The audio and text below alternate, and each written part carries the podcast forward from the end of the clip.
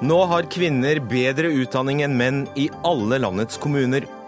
Men hva bruker de utdanningen til? Jo, de tar dårligere betalte jobber, jobber deltid eller går hjemme. Står likestillingen stille fordi kvinner vil det selv? EU og Tyrkia nærmer seg en avtale om flyktningene, mens advarslene hagler. Om du ikke hadde skjønt det ennå, Samhandlingsreformen går på helsa løs, for loven brytes av 60% av sykehusene og kommunene.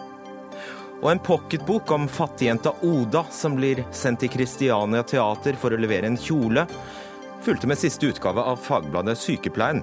Og noen lurer fremdeles på hvorfor det er så få mannlige sykepleiere.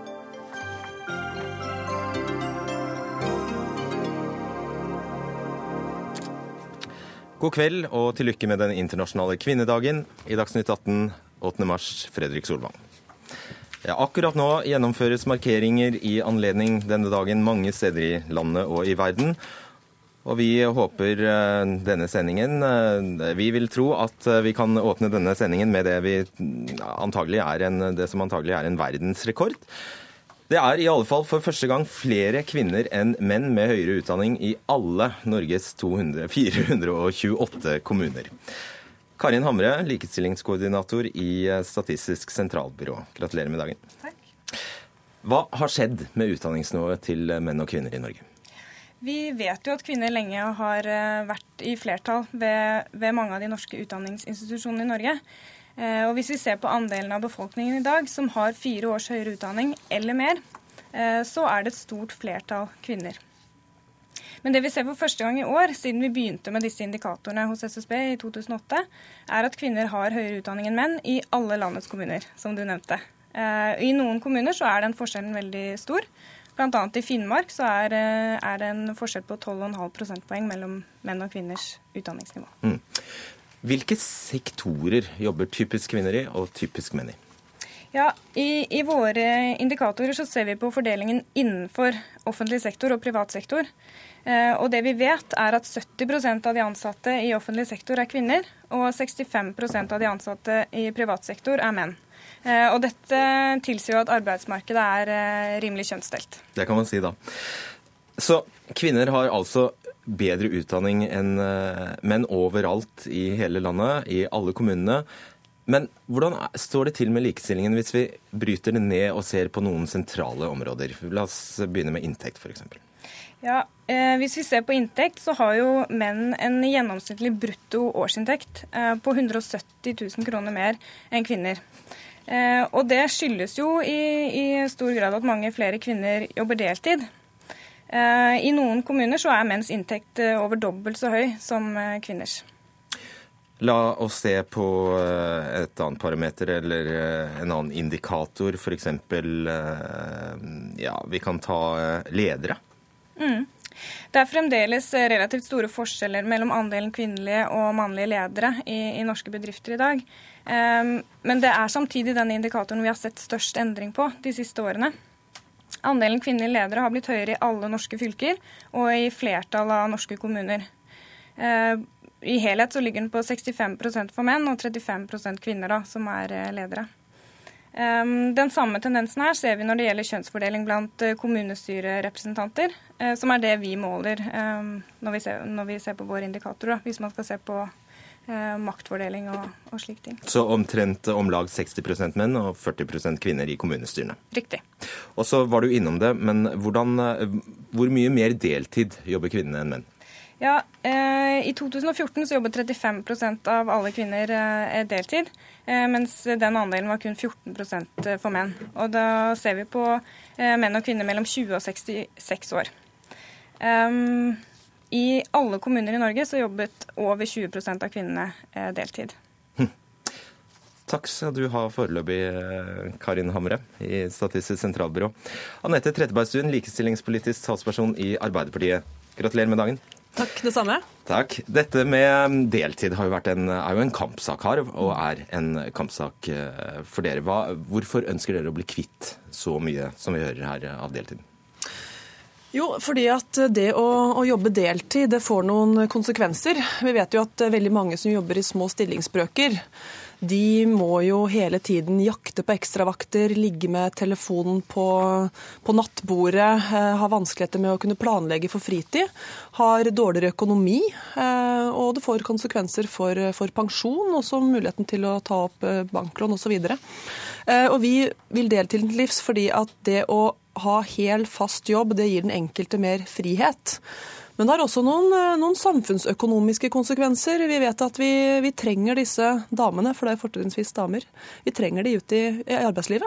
Det skal økonomien og velferdsstaten gå rundt. Så det er to grunner til det. Den enkeltes frihet og for samfunnet i sin, i sin helhet. Hold an et like, lite øyeblikk. Vi skal snakke med Jon Larsgaard. Du er ordfører i Jondal kommune i Hordaland for Senterpartiet. Er du med oss?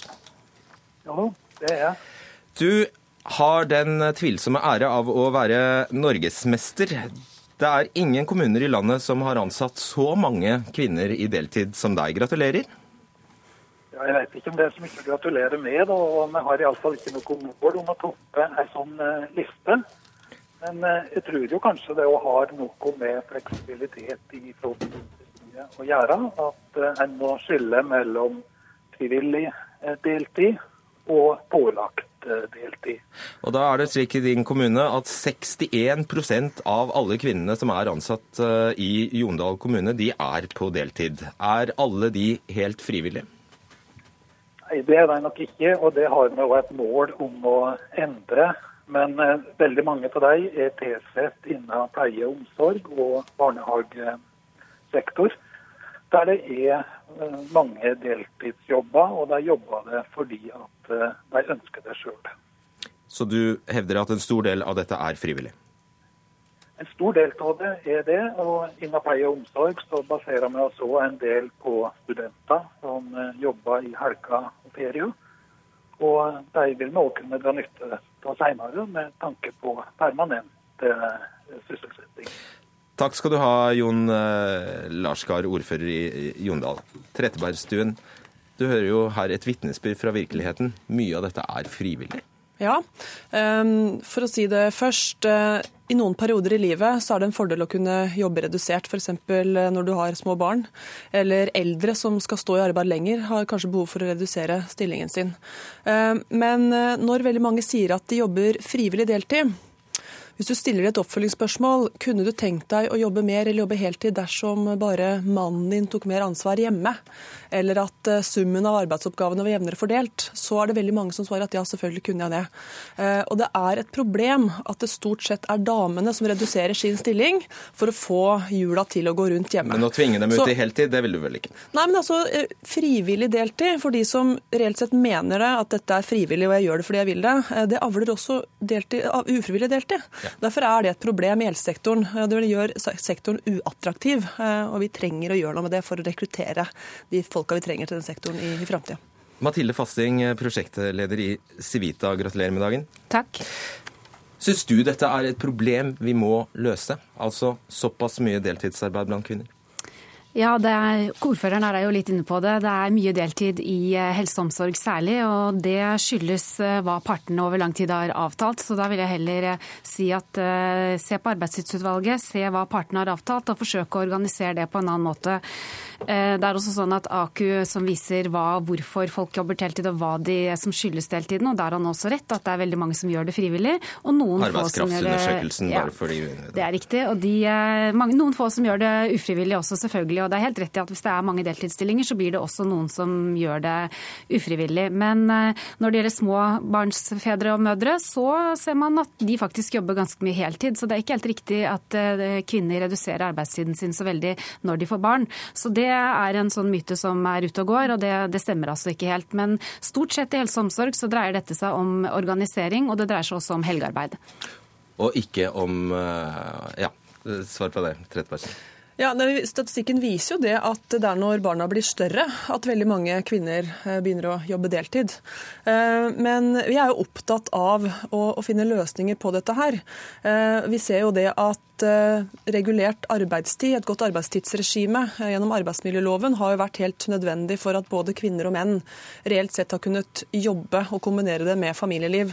Og Det var også en av grunnene til at det ble generalstreik mot denne regjeringens endringer i arbeidsmiljøloven. fordi at fagforeningene mener at når du når du endrer på arbeidstidsregimet, gjør det mulig å måtte jobbe lengre vakter uten å kunne si nei, ja, så vil mange kvinner velge å redusere stillingen fordi at det blir for tøft. Ok, La oss snakke om noe annet enn deltid også. Mathilde Fasting, når det er slik da at kvinner tjener såpass 170 000 kroner i snitt mindre enn menn, og når det, frem, og når det altså er slik at bare 35,8% av lederne er kvinner, bare 40% av kommunestyremedlemmene er kvinner, Mener du det, kan du mene noe annet enn at det må tiltak? at det må settes inn tiltak? Ja, altså det er jo satt inn tiltak, og det viktigste tiltaket er jo her at som hun sier, at kvinnene har fulgt oppfordringen og har tatt utdanning. Og for første gang så sitter vi jo nå med enda bedre utdannede kvinner i alle landets kommuner enn eh, hva vi har hatt noen gang tidligere, og som kanskje påpekt her var muligens det første landet i hele verden hvor, eh, hvor det er tilfellet. Så utdanningen er veien til selvstendighet og veien til å tjene mer penger, og veien til å også kunne ta den typen lederutfordringer eller politiske verv og, og få anledning til det. Så jeg tror det kommer, og jeg syns at, eh, at det er kjempeflott at jentene har tatt den utfordringen. Og vi må gi dem bitte litt tid, da, siden dette er første året hvor de skårer så høyt. Så, Men eh, jeg tror det kommer til å komme. Hovedsvaret ditt er på en måte laissez-faire, la det bare gå seg til? Ja, bortsett fra én ting. Og det er at eh, jeg vet at eh, på yrkesutdanninger, og også når det gjelder når, eh, når, jenter og gutter tar utdanningsvalgene sine, så gjør de det i en alder som er ganske påvirket av hvordan kjønn velger. Og der tror jeg nok at både strukturen i videregående opplæring og hvordan man velger, og hvilket tidspunkt man velger på, samt selvfølgelig også, som mange har påpekt tidligere, rådgivningstjenesten på skolen, som kanskje er altfor dårlig, den burde virkelig intensiveres for å fortelle hva de ulike valgene valgene går ut på. Ok, Tina Bru, du er leder i Høyres likestillingsutvalg. Gratulerer med dagen til deg òg. Takk, like måte. Er du enig med Mathilde Fasting i at dette vil gå seg til? Jeg tror at selvfølgelig så kan ikke politikk løse alt, men det betyr ikke at man ikke trenger politikk også, til en viss grad. Og jeg tror at situasjonen hadde nok sett ganske annerledes ut hvis ikke det var for den familiepolitikken vi nettopp har i Norge, og som den har utviklet seg over veldig mange år. Ehm, og når man snakker om likestillingspolitikk, så er det også naturlig å snakke om familiepolitikk, for det er der de store virkemidlene og de store pengene ligger. Og så tror jeg også man må utfordre tanken litt på altså Når noen svarer at noe er frivillig, hvor frivillig er det egentlig? Altså Når en kvinne går ned i stilling eh, fordi at det er det som er mest lønnsomt for en familie økonomisk fordi mannen tjener mer, så kan det godt hende at den kvinnen vil si at det er frivillig, det var det som passet best for vår familie. Men hvor frivillig er det egentlig da? Så jeg tror at eh, det er en kombinasjon. Vi må ha grenser for politikk også, og folk må få velge hva de vil. Men vi må også anerkjenne og skal man snakke om et fritt valg, så må vi også legge til rette, og da trenger man faktisk politikk. Ja, jeg hopper over deg, Trettebergstuen, for her tror jeg akkurat til det siste tror jeg dere er ganske enige. Men eh, Fasting, det kan jo du få svar på. Ja, altså Hun sier at eh, valgene ikke er frivillige når det kommer til barn. Men altså ambisjonene og valgene i utgangspunktet for 15-16-åringer de er ikke i den situasjonen. Nei, men Hvis du forholder velge... deg til dette med lønn, da, eksempel, at det er så mange faktorer som gjør at det vil lønne seg for henne å være hjemme. Ja, Det er én liten ting som, som, eh, som, faktisk slår ut, og som ikke, ikke, man leser så ofte. og Det er at kvinner ofte gifter seg med menn som er bitte litt eldre. og gjør de det, så har de allerede kommet bitte litt lengre på karrierestigen. Men jeg er enig med Tina Bru at der det finnes mange gode familiepolitiske løsninger. Og eh, der sitter jeg faktisk også i et utvalg nå som skal se på det. Så der har vi mange gode ideer, og bl.a. fått både fra Arbeiderpartiet og fra Høyre som vi skal ta med oss inn. Ja, Alt det Tina Bru sa i stad, kunne jeg sagt selv, og det er gode toner å høre fra høyresida. Problemet er jo bare at jeg oppfatter at Høyre er veldig glad for at vi har kommet så langt vi har kommet til Norge i dag. Men de har vært imot alle de reformene og de tiltakene som har gjort at vi har kommet hit. ikke sant? Foreldrepermisjon med pappakvote, barnehageutbyggingene skritt etter skritt. De er jo ikke imot pappakvote, de er bare for, for litt ja, færre uker. De, liksom, de har vært imot det når vi har innført det. De tiltakene mot deltid som vi innførte i forrige periode, som har virkelig har funka, som gjør at deltiden fortsatt går ned, stemte høyresida imot. Jeg håper at, at Tina Bru eh, påvirker partiet sitt eh, og til å få dem opp å tenke sånn som hun, hun, gjør. Men dessverre så måles vi politikere på hva vi gjør når vi har sjansen. Og det hennes egen regjering gjør nå, er jo å kutte i og svekke de tiltakene som har fått oss hit, som gjør at det er mulig for kvinner og menn å reelt sett velge å jobbe og, og kombinere det med familieliv. Så ja. vi må i hvert fall få snudd politikken til regjeringen nå, få oppretta pappakvoten igjen. og sant, De går i motsatt okay, ja. retning og setter likestillinga i revers, og det er problemet. Og Likestilling i revers, Tine Ja. Det stemmer jo ikke. Og det var også en stor artikkel i Aftenposten her om dagen som eh, oppsummerte hvordan det har gått med likestilling etter alle skremmebildene som kom før vi tok over i regjering. Og den viser jo at det har ikke blitt sånn som Arbeiderpartiet hevdet det kom til å bli. Det er langt færre menn som nå tar ut lang permisjon. De tar ut to dager mindre nå enn det de gjorde før. Det er ikke langt færre. Og er trenden er helt. Tydelig. Nei, trenden er også helt tydelig på at andelen menn som tar lengre sammenhengende permisjon, er fortsatt økende og har vært det siden 2010. Men jeg vil tilbake til en ting som er litt viktig i den andre debatten vi hadde her. Fordi det er nesten umulig å påstå at dette med det frie valget og hvordan vi regulerer familielivet, ikke har noe å si, og at det må få barn ikke har noe å si for hva som skjer med kvinner. I all den tid vi vet at det er en veldig klar sammenheng i forskning mellom det tidspunktet en kvinne får barn på, og når hun begynner å tape både lønns- og karrieremessig sammenlignet med menn. Det sier noe om noen strukturer i samfunnet som fortsatt er der. Og det kan ikke løses alt med politikk. Jeg mener også at holdninger er underkommunisert i denne debatten, men det er en problemstilling, og her må også politikk være med å bidra. Et glasstak. Et glasstak. Ja, eh, eller egentlig eh, nei. Det henger sammen med det som akkurat har vært snakket om her. jeg tror det har mye mer å gjøre med hva som er ambisjonene og hvordan, hvordan, det slår ut når man får barn. Og jeg tror at eh, barnehagedekning og mulighet for å ha barn i barnehage har vært kjempeviktig for kvinner, og er fremdeles det nettopp i den typen yrker hvor man snakker om, om glasstak. For der er det om å gjøre å, å følge med karriereutviklingen, og det krever tid. Og tid er rett og slett noe man også vil ha med barna, så man må passe på å få det regnestykket til å gå opp. Så tror jeg heller ikke at at all familiepolitikk og likestillingspolitikk står og faller på, på pappakvoten. Så jeg håper vi snart kan eh, ikke få en debatt om hvor mange uker frem og tilbake. For det er snakk om var det to dager eller noe sånt noe i forskjell her. Jeg tror ikke det står og faller på det. Jeg tror vi må se oppover i rekken også på barnehage, kanskje særlig. Trettebergstuen, når man ser på disse indikatorene som SSB presenterer, så er det jo, og man kan jo godt eh, håpe at det vil gå seg til, men skulle man ikke forvente, kunne forvente mer når kvinner altså har så mye bedre utdanning enn menn og henger så langt etter? Jo, det er det som er det store norske likestillingsparadokset. Nettopp det at utdanningsstatistikken viser at eh, kvinnene har, er høyt utdanna. Eh, vi har høy grad av kvinnelig sysselsetting. Samtidig så velger vi så utrolig ufattelig tradisjonelt. Da må det flere grep til. Det må store strukturelle grep til, sånn at rammen rundt folks liv eh, legger til rette for at man faktisk reelt sett kan velge fritt. Og så må man altså stimulere jenter og gutter til å velge utradisjonelt. Men Er du tilfreds med dette tempoet? Nei, over, overhodet ikke. fordi jeg tror at veldig mange av de, valg, de, små, store valgene vi tar, som vi kanskje tror er frivillige, eh, de styres av noen forventninger til oss som henger sammen med hvilket kjønn vi har. Eh, så nei, jeg er ikke fornøyd med det. Når vi ser at menn blir mobba ut av barnehageutdanningene osv., så, videre, så er jeg selvfølgelig ikke fornøyd med det. Og jeg tror at her spiller politikken en rolle. Og Da trenger vi de små og store grepene. Familiepolitikken er viktig, pappakvote er viktig. utdanning Utdanningspolitikken er viktig, men vi ser altså nå en regjering som, som, svekker de grepene vi vet har fungert, og ikke vil videre. og Det syns jeg kanskje er det mest alvorlige. Og Hvis vi lar overskriften her være likestilling, Tina Bru, er det noen som tenker på disse stakkars mennene? Selvfølgelig. Det er også viktig at menn sikres eh, likestilling i samfunnet, men det er tross alt kvinnene vi har de største utfordringene med, og noen holdninger som henger igjen. Og litt når det gjelder dette med at Kvinner har blitt flinkere til å velge utradisjonelt, faktisk. Det er menn nå som vi har den utfordringen med.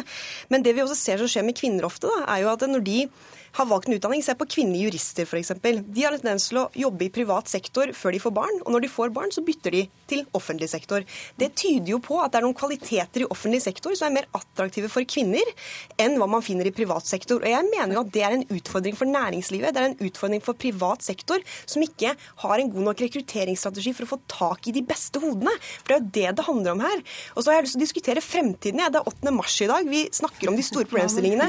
Og så fortsetter Arbeiderpartiet å gjenta den kritikken om at vi setter likestillingen i revers. Det er så kraftig tilbakevist. Ti sekunder på hver av dere. Trettebergstuen først. Nei, jeg hører masse god problembeskrivelse av hvordan virkeligheten ser ut, men jeg hører ingenting om hva Høyre vil gjøre. Og det skjønner jeg veldig godt. fordi de har levert en, de har, de, de har levert en likestillingsmelding uten et eneste tiltak som kan gjøre noe med de utfordringene de peker på, og det syns jeg er ekstremt svakt. Ok, Fassi. Jeg kan si at hvert fall eh, så er ikke Norge det mest eh, paradoksale eksempelet lenger. Vi er faktisk ganske midt på treet når det gjelder kjønnsdelt arbeidsmarked, fikk jeg høre i går. Og det andre jeg også fikk høre som var ganske morsomt, og som man kan tenke på, det var for det første så jobber det flere menn i barnehager i Norge, og for det andre så er 30% av de italienske sykepleierne menn, så tenk litt på det. La oss tenke litt på det. Tusen takk skal dere ha. Karin Hamre, Anette Trettebergstuen, Tina Bru og Mathilde Fasting.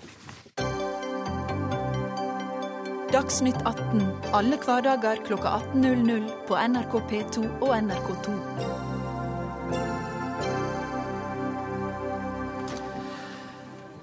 Vi holder oss eh, til eh, samme tema. To av tre ansatte i offentlig sektor, som helse, omsorg og skole, er kvinner. Bedriftsledere oppfordrer dem nå til å komme over i det private næringsliv. Og I Dagsnytt i morges så hørte vi LO-lederen oppfordre private, den eh, private sektoren til å gjøre seg mer lekker for kvinner i arbeidslivet. Geir Kristiansen deltar på 8. mars-markering i Oslo sentrum, men Trude Tindlund, LO-sekretær, du er her. Gratulerer med dagen. Takk for det. Eh, hvordan skal privat sektor kunne gjøre seg lekker? Nei, Det handler om å gjøre jobbene litt tryggere og sikrere. Det handler om å, i forhold til lønn, f.eks.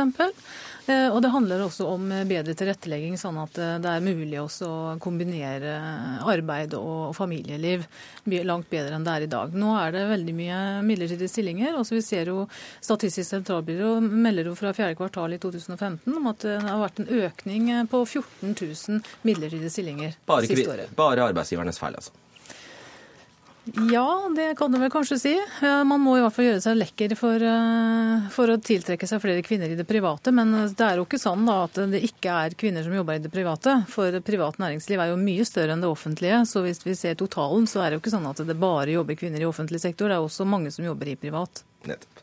Vibeke Madsen, administrerende direktør i arbeidsgiverorganisasjonen Virke. Gratulerer med dagen. Gratulerer med dagen. ja, eh, Er du med på at dette er et problem overhodet? Jeg håper å si, hva er, hva, er det et problem er, at det er, er, det, er det, eller, eller, la meg omformulere. Ja. Er det en utfordring, er det, er det et problem at uh, offentlig sektor består av så mange kvinner? Mm.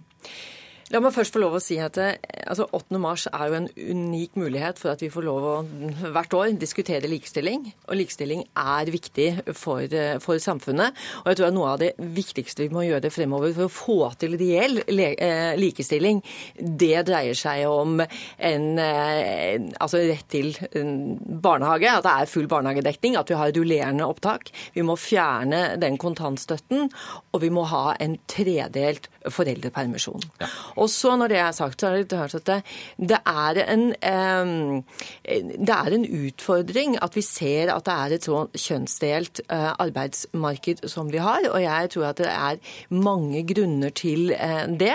Det er utdanningsvalg, det er karrierevalg. Men det er også tror jeg, en oppfatning av flere kvinner har, at det å jobbe i offentlig sektor, at der er det mer regulert. Og at det til og med også en oppfatning, er vel ganske sann? Ja, ikke når vi kommer til Du kan tilby en tjenestepensjonsordning på 2% f.eks.? Jo, men når vi, når vi snakker om f.eks. det som er det viktige med arbeidstid og fleksibilitet, eh, og hvordan si, vi jobber, så, eh, så er det nok en oppfattelse at kvinner Vi ser at kvinner, når de f.eks. får barn, så er det flere som søker seg til staten for å ha en, en jobb der. Og det betyr at vi i privat sektor vi må bli mye bedre på å rekruttere eh, og gjøre oss da, eh, på å si, vise hva privat sektor eh, står for, for å rekruttere de mange dyktige kvinnene også til privat sektor. Jeg håper ikke lufta gikk helt ut av den ballongen. Og det er, men, men, nei, men altså det, og hva er, så, hva er så da det som er det viktige, og hvordan skal vi få dette, dette til? Og det dreier seg jo om at kvinnene skal oppleve at det er en eh, fleksibilitet. Eh, de trenger en fleksibilitet for å klare både hjem og eh, arbeid. Eh, og da er det slik at da må vi gjøre noe med bl.a. arbeidstid, som jo arbeidstidsutvalget har lagt på bordet. Der kom det. Og der er ikke dere, selvfølgelig. Eller beskriv kort hva det er du vil.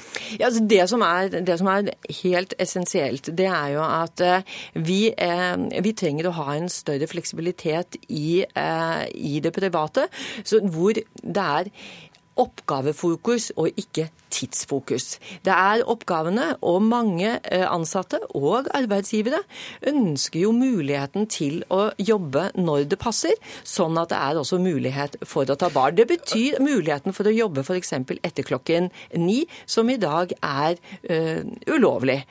Ja, Enig i dette? Eh, nei, det har jeg ikke. Fordi at eh, det er store muligheter for tilpasninger innenfor de rammene som vi har i dag. Og, og det er viktig å merke seg når eh, Vibeke Madsen her sier at vi trenger større fleksibilitet, for det er det som er det store spørsmålet. Fleksibilitet for hvem? Og det som skjer når man da på en måte skal deregulere arbeidstidsreglementet og nedskalere i forhold til arbeidsmiljøloven, som er en vernelov, så, så er det sånn at det blir på arbeidsgivers premisser. Det er arbeidsgiveren som sitter med makta. Eh, og da blir det spørsmålet fleksibilitet for hvem. For det som er på en måte viktig for arbeidsgiver, det er selvfølgelig arbeidsbehovet, det er arbeidsplikten og det er båndlinja. Og da er det ikke sånn at det blir fleksibilitet på arbeidstakers premisser, men det blir fleksibilitet på arbeidsgivers premisser, så man forskyver altså makta. Mm -hmm. men, men, nå er det jo altså Jeg skjønner ikke dette helt. fordi at vi ser jo stadig flere og flere medarbeidere som etterspør muligheten til å bestemme sin egen arbeidstid.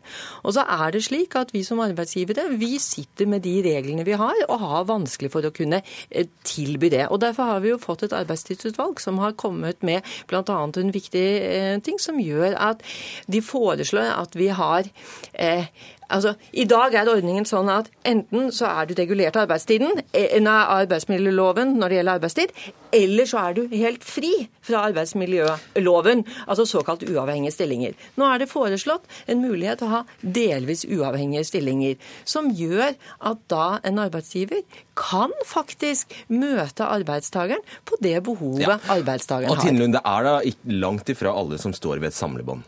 Nei, det er helt riktig. og Derfor så er det også, akkurat som Vibeke Madsen sier, så er det muligheter for å ha en fri og uavhengig stilling, hvor du da er fritatt for arbeidstidsreglene. Hvor da også lønna tilsvarer det, og du også bestemmer din egen arbeidstid. Ja, den muligheten ligger i arbeidsmiljøloven i dag. Og så er det dem som da er regulert i forhold til arbeidstid. Men innafor denne rammene der så er det også mange muligheter i forhold til å ha fleksitid f.eks. Og det å ha andre typer avtaler.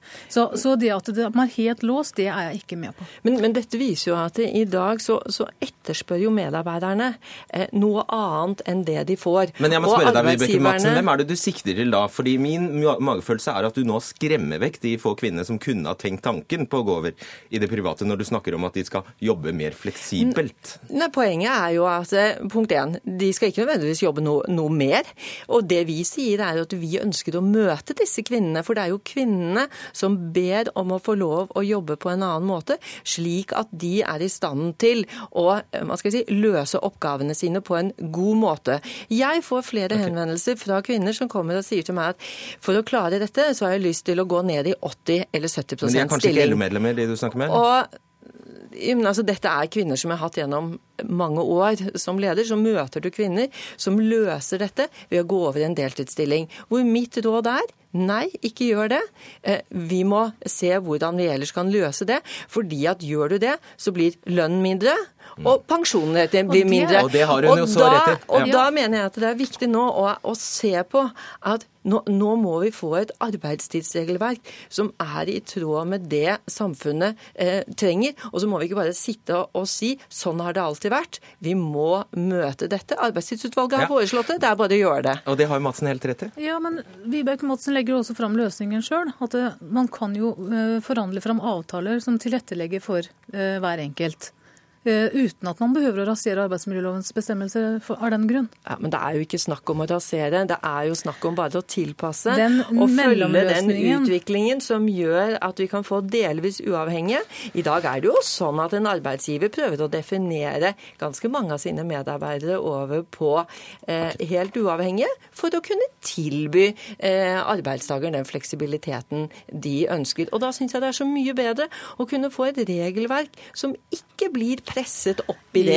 Jeg, vil, jo, ja, jeg vil heller si balanse. at arbeidsgivere prøver å definere arbeidstakerne over i den frie, uavhengige forhold på en måte eh, uten å betale overtid og for det å kunne utnytte arbeidstakerne mer. Det ser vi oftere innenfor flere av våre bransjer. At man Nei, får en lederstilling. Man får en lederstilling, liksom og så er man fri og uavhengig, men så er man egentlig ikke fri og uavhengig. Det er problemet. Derfor er forslaget fra Arbeidstidsutvalget delvis uavhengig. Og jeg tror det vil være en god løsning i fremtiden. Det blir en uklar tåkelegging. Tusen takk, Vibeke Madsen og Trude Tindlund.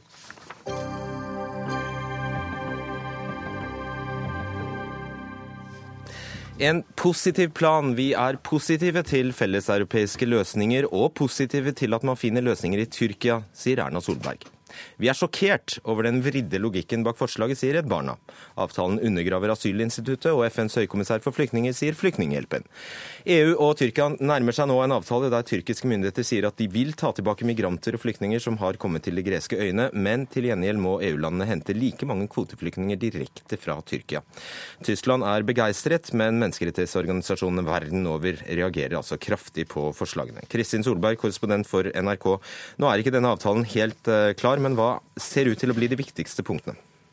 Ja, denne avtalen kan jo beskrives som en stor byttehandel, og den inneholder flere elementer. Men det viktigste er at Tyrkia skal ta tilbake flyktninger og migranter som ankommer Hellas fra Tyrkia, mot at EU tar flere syriske kvoteflyktninger fra Tyrkia. Eh, for syriske flyktninger skal forholdet være én til én. Altså at for hver syriske flyktning som blir returnert til Tyrkia, så skal én syrisk flyktning i Tyrkia bli tatt opp som kvoteflyktning til EU. Men det gjelder altså ikke for afghanere eller irakere, som er den nest største og den tredje største gruppen som kommer til Europa fra Tyrkia. Og så til gjengjeld så skal Tyrkia få 6 milliarder euro fra EU, såkalt for å bedre forholdene for flyktninger her. Og så skal de bedre kontrollere grensene. Og Tyrkia skal også få visumfrihet for tyrkiske borgere i Schengen, og, og fortgang i EU-samtaler. Mm. Hvordan reagerer tyrkiske menneskerettighetsorganisasjoner på dette? Mange som er opptatt av menneskerettigheter her i Tyrkia, de føler at EU har latt dem i stikken. For, for her blir menneskerettighetssituasjonen stadig verre. Vi ser det spesielt på ytringsfrihetsfronten. Bare i løpet av de siste fem dagene har f.eks. tyrkiske myndigheter tatt kontroll over to store nyhetsorganisasjoner som er kritiske til regjeringen. Den siste ble tatt over senest i går kveld, altså like før man kom fram til en enighet om de grove trekkene i denne avtalen. Og her hadde mange håpet at EU skulle komme med krass kritikk både mot dette og mot andre brudd på menneskerettighetene her.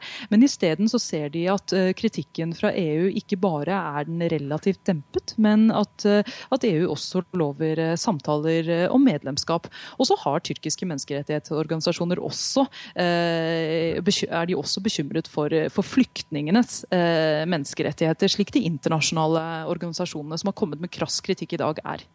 Er gleden tilsvarende stor da, hos tyrkiske myndigheter?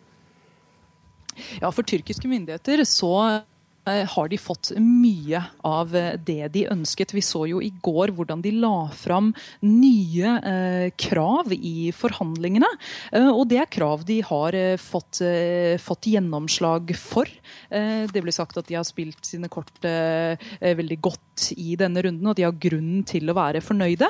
Og det, er, det handler mye om at altså den flyktningsituasjonen har snudd opp ned på maktbalanse, maktbalansen mellom EU og Tyrkia. Og det er tyrkiske myndigheter fullt klar over. De vet at nå er det EU som trenger Tyrkia, mer enn Tyrkia trenger EU. Og, og dermed har de også økt kravene. Mm. Takk skal du ha, Kristin Solberg, korrespondent for NRK. Sebastian Stein, du er nødhjelpskoordinator i Leger uten grenser. Hva kaller du dette? Dette kaller jeg en hestehandel med mennesker. Her er det rett og slett storpolitikken som kommer i forsetet. EU og Tyrkia legger for dagen at deres prioriteter ikke er flyktningene og deres prekære humanitære situasjon som er hovedprioriteten. EU og Tyrkia vil løse et problem med politiske virkemidler når det er et humanitært problem som skal løses med humanitære virkemidler. Og du trenger jo ikke å ta hensyn til verken folkestemninger eller opinion eller bruttonasjonalprodukt eller budsjetter eller noe som helst. Nei, det er helt riktig. Så du er helt ansvarsløs? Jeg er ikke ansvarsløs. De som er ansvarsløse her, er Tyrkia og EU, som lar disse menneskene i stikken. Mennesker som er akkurat like som alle oss her i studio, som er like alle andre borgere i EU, og som har krav på å få en verdig og god behandling og krav på å få behandlet sin asylsøknad. Dette er jo mennesker som etter all sannsynlighet uansett, etter å ha tråklet seg gjennom Europa, ville ha fått et nei, eller møtt en mur eller en stengt dør. Ja, og så? Er det ikke like greit å sende dem raskt tilbake? Hva som er greit og ikke greit, er en spørsmål. Hva som er humant og ikke humant, er vel det som er relevant her. Eh, og det er helt klart inhumant å behandle mennesker på denne måten. Og de har også krav på å behandle asylsøknaden sin. Eh, det er jo veldig vanskelig å vite om de skal få asyl eller ikke. Mm. Jørgen Karling, forsker i PRIO. Det er jo det no, en god del menneskerettighetsgrupper og også FNs høykommissær for flyktninger nå advarer om, at man har demontert, demontert asylretten, rett og slett. Er det ja. det som skjer? Ja, det kan se sånn ut. Og det er jo noe som man har luftet som en mulighet, at man skal måte, revurdere den muligheten som nå finnes til å søke asyl, i bytte mot et større uttak av, av kvoteflyktninger. Altså, det var noe sånt uh, Utlendingsdirektoratets direktør Frode Forfang skisserte som et, et mulig fremtidsscenario. Og på en måte så virker det jo rimelig at det ikke nødvendigvis er de som har råd til å betale menneskesmuglere, og som tar den risikoen, som er de som skal få lov til å bli eh, få et bedre liv i Europa, mens alle de som sitter fast i flyktningleirer i regionen, ikke får den muligheten. Så Sånn sett så virker det tilforlatelig at man da på en måte skal gjøre denne byttehandelen. At eh, man skal ta minst like mange, men man skal hente dem direkte ut fra flyktningleirene. Er det mer rettferdig? Nei, det er vanskelig å, å, se det. Også fordi det er så utrolig mange uløste spørsmål rundt f.eks. da hvem som egentlig skal sendes tilbake. Altså F.eks. da eritreere og afghanere som mange av dem sannsynligvis har krav på beskyttelse og bør få muligheten til å bli i Europa. Skal de også sendes tilbake til Tyrkia, men ikke nyte godt av dette uttakssystemet som finnes for syrere? Det er noe av det som er uklart. Og også denne én-til-én avtalen at for hver syrer som sendes tilbake, så åpner det seg en plass i Europa. Det kan vise seg å ikke gi så mange muligheter for syrere, når man samtidig eh, gjør det så lite attraktivt å sette seg på den båten. Fordi alle som da bruker de pengene og tar den risikoen, de vil tape det og bli sendt tilbake. Pluss har Juncker sagt at de vil stille bakerst i køen for å bli bosatt i Europa. De som har komme seg til Europa på egen hånd og bli sendt tilbake, de vil måtte stille seg bak alle de som bare har sittet pent og ventet. Så dette skaper jo helt nye insentiver med ganske dramatiske konsekvenser. Og det var mye informasjon der også. Ja. det, altså, eh, Stein, det er 130 000 eh, migranter eller flyktninger, eller kall det hva du vil, som har tatt seg over, eh, over Egerhavet bare så langt i, i år. Hva er din løsning? Eh, løsningen er Det er ikke sånn at jeg kan servere en god løsning, men det som er helt opplagt, er at folk kommer til å fortsette å flykte så lenge det er krig og nød eh, i land de flykter fra. Eh, og folk kommer til å prøve å finne veier inn til Europa så lenge disse situasjonene fortsetter. Og så kan man prøve å finne på kunstige løsninger, som å sette opp gjerder eller eh, forsøke å, å ta smuglernettverkene, som er veldig, veldig vanskelige. Eh, det, som, det, som, trengs, er rett og slett at folk kan få lov til å komme eh, og søke asyl på trygt og lovlig vis. Eh, nå er systemet sånn at folk er tvunget til å ta seg gjennom Sahara, hvor det er mange som dør. Krysse Middelhavet, der vi selv har jobbet og sett mange okay, dør. Søke asyl i hjemlandet. Er det omtrent det du foreslår? Jeg sier ikke akkurat hvordan det skal løses, men at man slipper å ta disse farefulle ferdene for å kunne søke asyl. ja. Da kan du like gjerne fly dem ut. Hvordan det løses i praksis? Gjerne fly. Det er jo det som, det er, jo det som eh, er foreslått nå for noen syrere fra, fra, Tyrkia til Europa. Flott, men dette må gjelde for alle. Det kan ikke være sånn at man eh, plukker ut én gruppe mennesker og sier at de stilles foran andre. Mm. Mm. Eh, Karling, begge dere tar jo egentlig utgangspunkt i en situasjon som ikke er der. Altså, det, Situasjonen i dag er jo stengte grenser, og at Europas stater etter hvert ikke overholder uh, retten til, eller, eller, opprettholder retten til å søke asyl. Mange land realitetsbehandler per i dag ikke asylsøknader.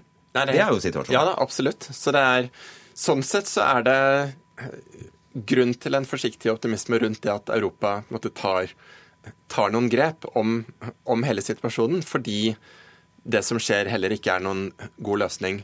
Og Det vi på en måte har vært på rask vei inn i, har vært en situasjon hvor flere og flere blir sittende fast i Hellas uten utsikter til å komme seg videre, altså geografisk videre, og heller ikke med noe særlig utsikter til en, til en sikrere fremtid. Så det er, noen, det er ikke noen god situasjon man har i dag som man går bort fra. Det er riktig.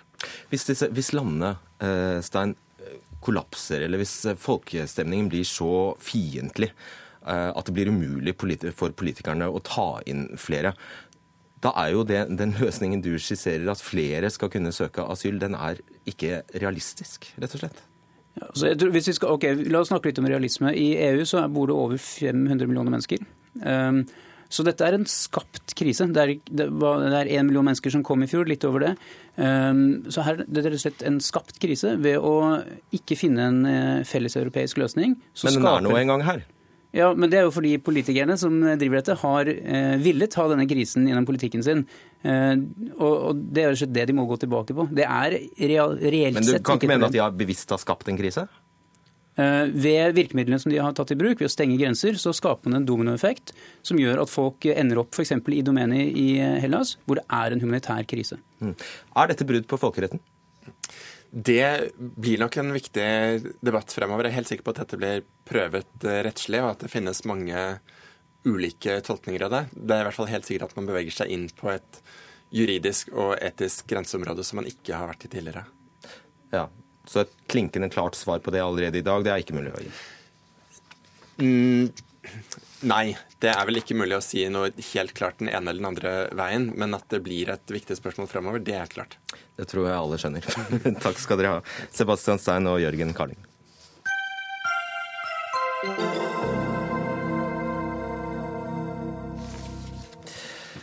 Mangler eller feil i pasienters helseinformasjon, bruk av faks, telefaks altså, og pasienter som skrives ut for tidlig. Ja, dette er bare noen av funnene i en ny landsomfattende undersøkelse fra Helsetilsynet som ble offentliggjort i dag. Tilsynet avdekker alvorlig svikt i samhandlingen mellom sykehus og kommune, heter det i rapporten. Direktør i Helsetilsynet Jan Fredrik Andresen, velkommen. Takk, takk. Hvilke feil er det dere har funnet? Ja, Vi har eh, funnet eh, feil på en rekke områder. Vi har altså ført til sammen 56 tilsyn eh, med 19 sykehus og 37 kommuner. Og i 36 av disse tilsynene så fant man da lovbrudd. I en tid hvor pasienter skal være sjef i eget liv, så er det jo viktig at de har informasjon. Og vi ser at informasjon til pasienten om både hva som har skjedd på sykehuset, og hva som skal skje i ettertid, svikter. Så det blir jo på en måte en utfordring når pasientene ikke kan ivareta sin situasjon og, til, og tilstand når de kommer hjem. Eh, et annet alvorlig funn det er jo selve samhandlingen mellom sykehus og kommune. Eh, og Her dreier det seg om mange forhold, men der hvor vi har funnet flest avvik, det er jo overføring av informasjon. altså det på det området. Hva slags informasjon? Ja, Det handler om flere forhold. altså Én ting er epikrisen altså til, til, de samarbeidene. Hva som feiler pasienten? Hva som, har, hva som feiler pasientene, hva man har gjort på sykehus, og hva man skal gjøre ute i kommunene. Eh, det handler om eh, svakheter i funksjonsvurderingen. altså Hvordan er funksjonen til pasientene? Helt avhengig av at kommunene vet om det, at man er enige om hvilke hjelpetiltak som skal, skal settes inn når pasientene kommer hjem. Og Det som eh, har vært en markør for denne samhandlingen, det har vært å undersøke hvordan man utveksler informasjon om bruken av legemidler. Det er jo en viktig innsatsfaktor. og Hvis det ikke dette er samkjørt, og man er helt klar over hva man har fått på sykehuset, hva man skal bruke hjemme, og du opererer med forskjellige lister. En på sykehus, en i hjemmesykepleien. Ja, at man ikke har samstemt disse listene. Og da kan det oppstå alvorlige situasjoner. alt fra at man Det høres jo livsfarlig ut. Ja, i, i, ytterste konsekvens så er det livsfarlig. At vi kan eh, forspille muligheter for forbedring, men også oppstå farlige og livstruende situasjoner. Dette høres jo helt vanvittig ut. Ja, det er alvorlig. Det er det. Og Samhandlingsreformen skulle jo da skal vi si, ta vare på pasienten og sikre en sånn sømløs overgang mellom sykehus og kommuner. Ja, Dette tilsynet viser at eh, vi er ikke helt der ennå. Ja, øh, og I 60% altså, av tilfellene der, som dere har undersøkt, så er det altså lovbrudd. Fra I hvilken skala snakker vi? Altså, Hva er det mest alvorlige, og hva er det minst uh, alvorlige? Nok det mest alvorlige i denne sammenhengen, det er at den vitale eller den livsviktige informasjonen som må følge pasientene tett slik at den som leverer stafettpinnen til neste ledd i kjeden, har oppdatert informasjon, ja, er, der er det svikt. Og det er nok det mest alvorlige. Og så er det jo andre ting som handler om eh, dette med utveksling av informasjon når det gjelder eh, elektroniske meldinger kontra det å snakke med pasienten. At noen føler at kanskje man får en økt distanse fordi man bruker elektroniske medier å kommunisere på, og ikke snakke med pasientene.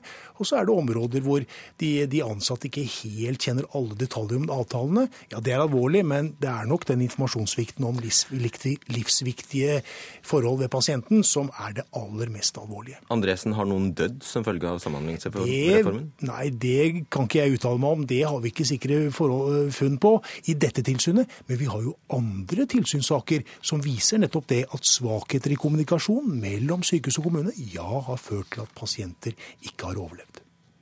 Du skal slippe å debattere det, men uh, tusen takk for bakgrunnen, uh, Jan, Andreas, uh, Jan Fredrik Andresen, direktør i Helsetilsynet. Rapporten oppsummerer altså Helse-Norge etter at Samhandlingsreformen ble innført i 2012. Eh, og det var du bl.a. Eh, ansvarlig for, Kjersti Toppe, helsepolitisk talskvinne i Senterpartiet. Dette står vel til stryk? Ja, det er veldig, veldig alvorlige eh, funn, og jeg er eh, djupt bekymra for, eh, for, det som blir beskrevet. Og det er jo ikke bare Helsetilsynet som har eh, sagt dette. Vi hadde jo òg nettopp en riksrevisjonsrapport eh, som sa tilsvarende, og spesielt dette her med, med, informasjon som ikke følger pasienten. Og så må jeg si at dette er jo ikke pga. Samhandlingsreformen. For det var jo nettopp eh, eh, dette som gjorde at vi eh, skulle få en samhandlingsreform, fordi at den skulle samhandle bedre. Men du kan ikke bare også... vedta samhandling, vet du? Nei, sant, det er det som er poenget. Jeg mener at eh, bakgrunnen for samhandlingsreformen er jo absolutt til stede. Men eh, dette viser jo at den er ikke implementert. Det er ikke kommet på plass. Og hvem sitt ansvar er det? Nei, det er jo det det er jo oss, det er et politisk ansvar eh, og det er et ledelsesansvar å sørge for at uh, dette skjer. Vi vedtok jo, eller lovbestemte, at disse samarbeidsavtalene skulle, skulle uh, være lovpålagt. Men det hjelper jo ikke det hvis ikke det kommer ut og, og folk kjenner til det i, i tjenestene. Mm. Tone Wilhelmsen Trøen, helsepolitisk talskvinne for Høyre. Dere advarte mot dette da samarbeidsreformen ble innført i 2012. Likevel, nå sitter dere og styrer landet på den samme, samme reformen og har vel antagelig mistenkt det samme som uh, Toppe. Trekker du i nødbremsen? Vi er, Høyre er i gang med en stor uh, ryddejobb for å få denne viktige reformen til å fungere bedre. Derfor var jo noe av det første vi gjorde eh, vedta en pasientjournallov som faktisk gjør at det er mulig å dele pasientopplysninger. Enda flere lover de ikke skal følge? Jo, men vi er nødt til å ha et lovverk særlig knyttet til så sensitive opplysninger som helseopplysninger. Eh, og dette, det, det jeg mener Kjersti Toppe faktisk bør svare nærmere på, er jo hvorfor man innførte en reform så raskt før man hadde lagt grunnlaget. Både for at kommuner og eh, sykehus kunne samhandle digitalt på en viktig måte, særlig når det gjelder legemidler. Det syns jeg var et veldig godt spørsmål. Hvorfor innføre en svær reform som dette her før faksen er borte? Kjersti Toppe? Eh, nå viser jo ikke eh, Helsetilsynet sin rapport at det er, mangel på elektronisk kommunikasjon som gjør eh, dette. Det, det viser jo tvert om at mange, mange, kommuniserer elektronisk. Dette er en, en mye mer alvorlig enn som så. Her har det jo gått inn på de enkelte sykehus og, og kommuner. Her er det her tar en ikke eh, ansvar, og det blir på en måte altfor lett å avfeie dette her med at her har ikke vi teknologi. Her har vi teknologi, men likevel så har ikke vi klart å implementere Eh, den, den, informasjonen. Det er jo på det helt basale vi svikter nå. Ja, og, eh, det er derfor vi sitter her nå. La oss bare Kjersti Toppe, la oss faktasjekke det du nettopp eh, sa med Andresen, siden han faktisk er her. Stemmer det? Jeg må nok nyansere bildet litt. Det er bare unntaksvis at man greier å sende oppdatert legemiddelinformasjon elektronisk mellom sykehus og kommuner. Og det er også slik at en god del sykehus sender opp pasientopplysningene med pasienten i konvolutt, slik at pasient, hjemmesykepleien må hjem til pasienten og fiske frem opplysningene før de iverksetter tiltak. Så det er et stykke vei å gå på den elektroniske kommunikasjonsfronten. Der fikk du den. Ja, der fikk jeg den. Men det er jo Jeg, Jeg mente ikke at alt skjer elektronisk i dag, men det er iallfall eh, gode muligheter for det. Men eh, at eh, ting skjer eh, via brev og sånt, det er jo det viktigste er jo òg i dag at den informasjonen kommer fram. Men jeg må bare si det at det er jo ikke på grunn dette samarbeidet mellom sykehus og kommuner. Det hadde jo vært der selv om man ikke hadde en samhandlingsreform. Det er det som er mitt poeng. Jo, men det, men det den rød-grønne regjeringen gjorde, var jo å innføre en veldig stor og omfattende reform før kommunene hadde forberedt seg. Mm. Verken med kompetanse, organisert tjenestene sine klart for å ta imot dette store ansvaret. Jeg jobbet selv som sykepleier når Samhandlingsreformen ble innført. Jeg vet at pasienter, pårørende og ikke minst helsepersonell selv har hatt mange bekymringer rundt at man ikke var godt nok forberedt. Det vi gjør nå, er å eh, ruste kommunene til å jobbe bedre rundt sårbare pasienter. Dere beskriver pasienter som skrives ut fra sykehus hjem til hjemmetjeneste. Jeg skal fortelle deg en annen ting dere gjør. Dere eh, planlegger å utvide samarbeidsreformen til å omfatte rus og psykiatri når tilstanden er slik den er på somatikk i dag. Jo, men det vi samtidig gjør, er jo å behandle i Stortinget nå en opptrappingsplan for en helhetlig rusomsorg i kommunene og styrke kommunene med 2,4 milliarder for et mye bedre ettervern og behandling i kommunene. Men jeg har lyst til å, eh, jeg må bare få lov å si en ting når det gjelder legemidler, for det var noe av det mest alvorlige som ble påpekt. Vi har nå vedtatt i legemiddelmelding i eh, Stortinget at man skal utarbeide en felles legemiddelliste, slik at opplysninger skal komme trygt fra sykehus til kommunene. Det er et viktig grep, et av okay. de viktige grepene vi nå tar. Toppe, er det en god idé å utvide med, til rus og psykiatri? Her gjør jo regjeringen stor feil, og jeg er kjempebekymra for at de skal innføre dette på rus og psykiatri allerede i 2017. At vi vedtar en opptrappingsplan i, i, i, i år, og de får under et år på seg til å ta imot nye pasienter. Da gjentar iallfall den nye De gjentar din feil? De, de gjentar det som de sjøl kritiserer ikke var bra, og, derfor, og, og, og som de eh, mente vi ikke gjorde godt nok. Vi hadde jo i tre-fire år vi planlagt og ga samhandlingsmidler og ga beskjed til kommunene at her skulle det komme en reform. Eh, og nå skal dette her innføres på, under, eh, ja, på et halvt, trekvart år. Så skal dette utvides til, til rus og psykiatri. Så det er jeg, det er jeg altså det- veldig bekymra for. Men jeg tror det vi deler av en ambisjon i rusomsorgen, eh, Kjersti Toppe, er jo at eh, pasienter trenger Altså ruspasienter som er ferdig behandlet i spesialisthelsetjenesten, må få lov å starte livene Mm. sine på nytt igjen ute i Mm. kommunene. Da trenger de en trygg bolig, da trenger de aktivitet å gå til, og da trenger de en jobb. Og det er nettopp dette som vi nå behandler i denne opptrappingsplanen, som er stor, som er et historisk løft for rusomsorgen i kommunene. Det hørtes jo, det du sa der, hørtes omtrent like fint ut som det de sa i 2012. Ja, men jeg har, jeg, Dette er jo et ansvar kommunene har uh, allerede. Og jeg, jeg syns at, eh, at det er å dra denne debatten helt ut og, og, og sidestille dette. Det vi nå ser, er jo resultatet av at man ikke ga mulighet Men for kommunene til å være forberedt okay. det på den riktige samhandlingsreformen. Det, det som vi ser nå, det er at denne regjeringen ikke har sørga for at eh, Samhandlingsreformen har blitt implementert. og Det er denne regjeringens sitt ansvar. Og Hvis, det, hvis den blå-blå regjeringen var så uenig i det som ligger i bordet nå, så kunne dere òg reversert det. Det har dere ikke gjort, men dere sørger ikke for å implementere dette i tjenesten. Nei, og Det gjør- håper jeg blir gjort nå etter disse alvorlige rapportene. Men vi gjør en viktig ryddejobb nå med å styrke kompetansen, med å ruste kommunene på en helt annen måte til å håndtere Samhandlingsreformen enn det eh, de hadde når vi overtok i 2013. Hører du Jan Fredrik Andresen, alt er politikk? Om ikke alt er politikk, så er iallfall kommunikasjon. Det er en gjenganger i våre tilsynssaker. Så dette må på en måte alle aktørene ta inn over seg og bestrebe seg på å sikre god og fyllestgjørende eh, kommunikasjon, slik at pasientene får trygge og gode tjenester. Amen. Takk. Kjersti Toppe, Tone Wilhelmsen Trøen og Jan Fredrik Andresen. Hør Dagsnytt 18 når du vil. Radio NRK NO.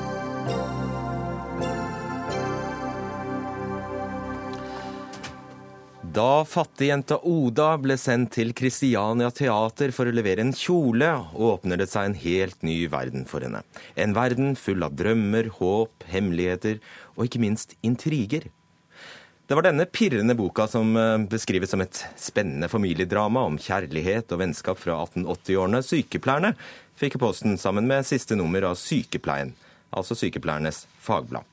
Oda Kringstad, du er sykepleierstudent. Dette hørtes jo ut som en eh, søt og koselig gave til deg som sykepleierstudent. Ja. Nei, du, jeg reagerte litt. Eh, vi har gjennom hele studiet fått hørt at vi er nødt til å ta vare på guttene vi har i klassen. Da er det få av. Eh, så jeg syns det var litt rart når vi fikk denne gaven. Ja. Er det ingen gutter som kan like en historie om fattigjenta Oda? Ja, si det. Jeg tror ikke det, og har hørt fra flere i klassen at den her ja, ble ikke akkurat tatt så godt imot. Og jeg syns sjøl at eh, det her er fagbladet til sykepleierne, og jeg eh, tar yrket mitt som ja, seriøst. Og jeg så på det litt som et hån, egentlig. Et hån? Ja. Mot oss sykepleiere. De tilegner oss egenskaper eh, som vi ikke har. Hvilke da? Nei, med med å, gi oss en sånn her gave, så eh, Jeg føler ikke at det har noe med det bladet skal gi oss, og det er forskning, og det er sykepleierrelaterte saker. Mm. Eh, ikke noe om fattigjenta Oda. Skal bare, vi skal bare notere at det var i Aftenposten du skrev dette, skrev dette leserinnlegget, som gjør at eh, vi debatterer det i dag. Bart Tålens, du er redaktør i Sykepleien. Hva er det dere holder på med? Ja, Sykepleien er jo et stort uh, fagblad i Norge. Det går til 100 000 uh, sykepleiere og blir lest av dobbelt så mange. Uh, som mange andre medievirksomheter så finansierer vi vår journalistikk delvis gjennom salg av reklameplass. Og det er dette som har skjedd her. jeg har forståelse for at Oda kanskje har stusset på dette bilaget. samtidig så er det jo slik at dette er eh, en reklame som er eh, kjøpt annonseplass til fra et eh, stort forlag i Norge. Men du har fremdeles et redaktøransvar? Ja, selvfølgelig, og det tar jeg også. Og nå er det slik at selve boka er jo ikke noe muffins med. Det er en bok som handler om en historie på 80-tallet 1880-tallet, eh, kanskje? 1880-tallet. Eh, noen kan like det, noen kan ikke like det. Og eh, jeg forstår godt at det vil være en del som ikke liker det. Hvorfor skjønner du det? Jeg kan forstå at man kanskje mener at det sender et feil signal. Men faktum her er at de som har reagert, og også Oda som reagerer her, har kanskje vært i den troen at det er Norsk Sykepleierforbund som har kjøpt denne boka, og så sendt det i gave til sine medlemmer. Men det er ikke tilfellet. Eh, dette er eh, et eh, reklamebilag som vi selger på lik linje med, med annen reklame. Du har misforstått, det er ikke Sykepleierforbundet som Nei. har sendt deg denne boka. Men det gir jo et signal uansett, og jeg syns at det er forskjell på en annonse som du sier, og en personlig gave. Det står 'gave til deg' og boka her. Jeg syns at det er stor forskjell på det. Og det er faktisk så mye som fire av ti gutter som dropper ut på dette studiet. Og uansett om det ikke er NSF som har gjort det, så er det jo deres fagblad. Eh, og det å gi denne boka vil ikke akkurat eh, trekke til seg alle fall. Svar på det, Tonnens. Eh, ja, jeg registrerer jo at Oda er blant de som leser bladet fra perm til perm, slik hun skriver i Aftenposten. Og vi er jo et seriøst fagblad som står veldig støtt på våre holdninger til, til kjønnsbalanse i yrket. Så vi har viet dette mye spalteplass i, i, i mange år. Men da blir det desto rarere å kanskje legge ved en slik bok? Ja, det kan du si. Og det som vi tar sjøkritikk på, at det ikke var gjort tydelig nok at dette handlet om reklame. Eh, men sykepleieren holder masse reklame. Reklame om legemidler, reklame om biler, eh, reklame om hudpleieprodukter. Og det er selvfølgelig slik at annonsører syns at vi er interessante, nettopp fordi vi representerer en målgruppe som er klart definert. Og Eh, om man liker det eller ikke, så er det slik at eh, ni av ti sykepleiere i dag er kvinner. Og noen annonsører kjøper derfor annonseplass for å nå fram til kvinner. Og Krengstad, Hvis du er så skvetten som eh, mann at du ikke tåler en bok om fattigjenta Oda, da bør du kanskje ikke bli sykepleier? Nei, si det. Det syns ikke jeg er helt rett. Jeg syns det er så trist, fordi NSF Student har jobba så mye med en kampanje som heter For mann kan bli sykepleier. Jeg syns at de jobber så veldig mot dem. og jeg syns bare hele greia blir så eh, tragisk og litt trist, egentlig, at det skal være sånn. Eh, jeg snakker ikke her på vegne av Sykepleierforbundet, som eier dette bladet. Ja, det er Eh, fagbladet for sykepleierne. Det må Sykepleierforbundet uh, Sykepleien er et redaksjonert uavhengig produkt som må finansiere en del av sin virksomhet gjennom inntekter fra reklame. Og for meg som redaktør så er det litt vanskelig å sette meg til doms over hva slags eh, reklame som på en måte er, eh, er tilbørlig, og hva som skulle være utilbørlig. Vi forholder oss til eh, gjeldende lover og regler. Kringstad han, han må jo tjene penger. Ja, det er klart. Men jeg syns uansett man skal være litt kritisk til hva det er man, hvor man vil tjene inn de her pengene. Også. Ok, til slutt, for Ja, det er jeg for så vidt helt enig i. Det er mitt ansvar. og Vi har jo mottatt en del eh, reaksjoner på dette. og Det betyr at vi i framtida må være ekstra varsomme på dette området. Gjør du det igjen? Eh, Det gjenstår å se. Vi kommer helt sikkert til å ha fortsatt reklame for bøker, men vi vil være forsiktige med hva vi eh, sender ut. Bind to? Det tror jeg neppe. Ok. Tusen takk skal dere ha, Oda Kringstad og Bart eh, Tollens. Dere fikk avslutte Dagsnytt 18 denne 8. mars.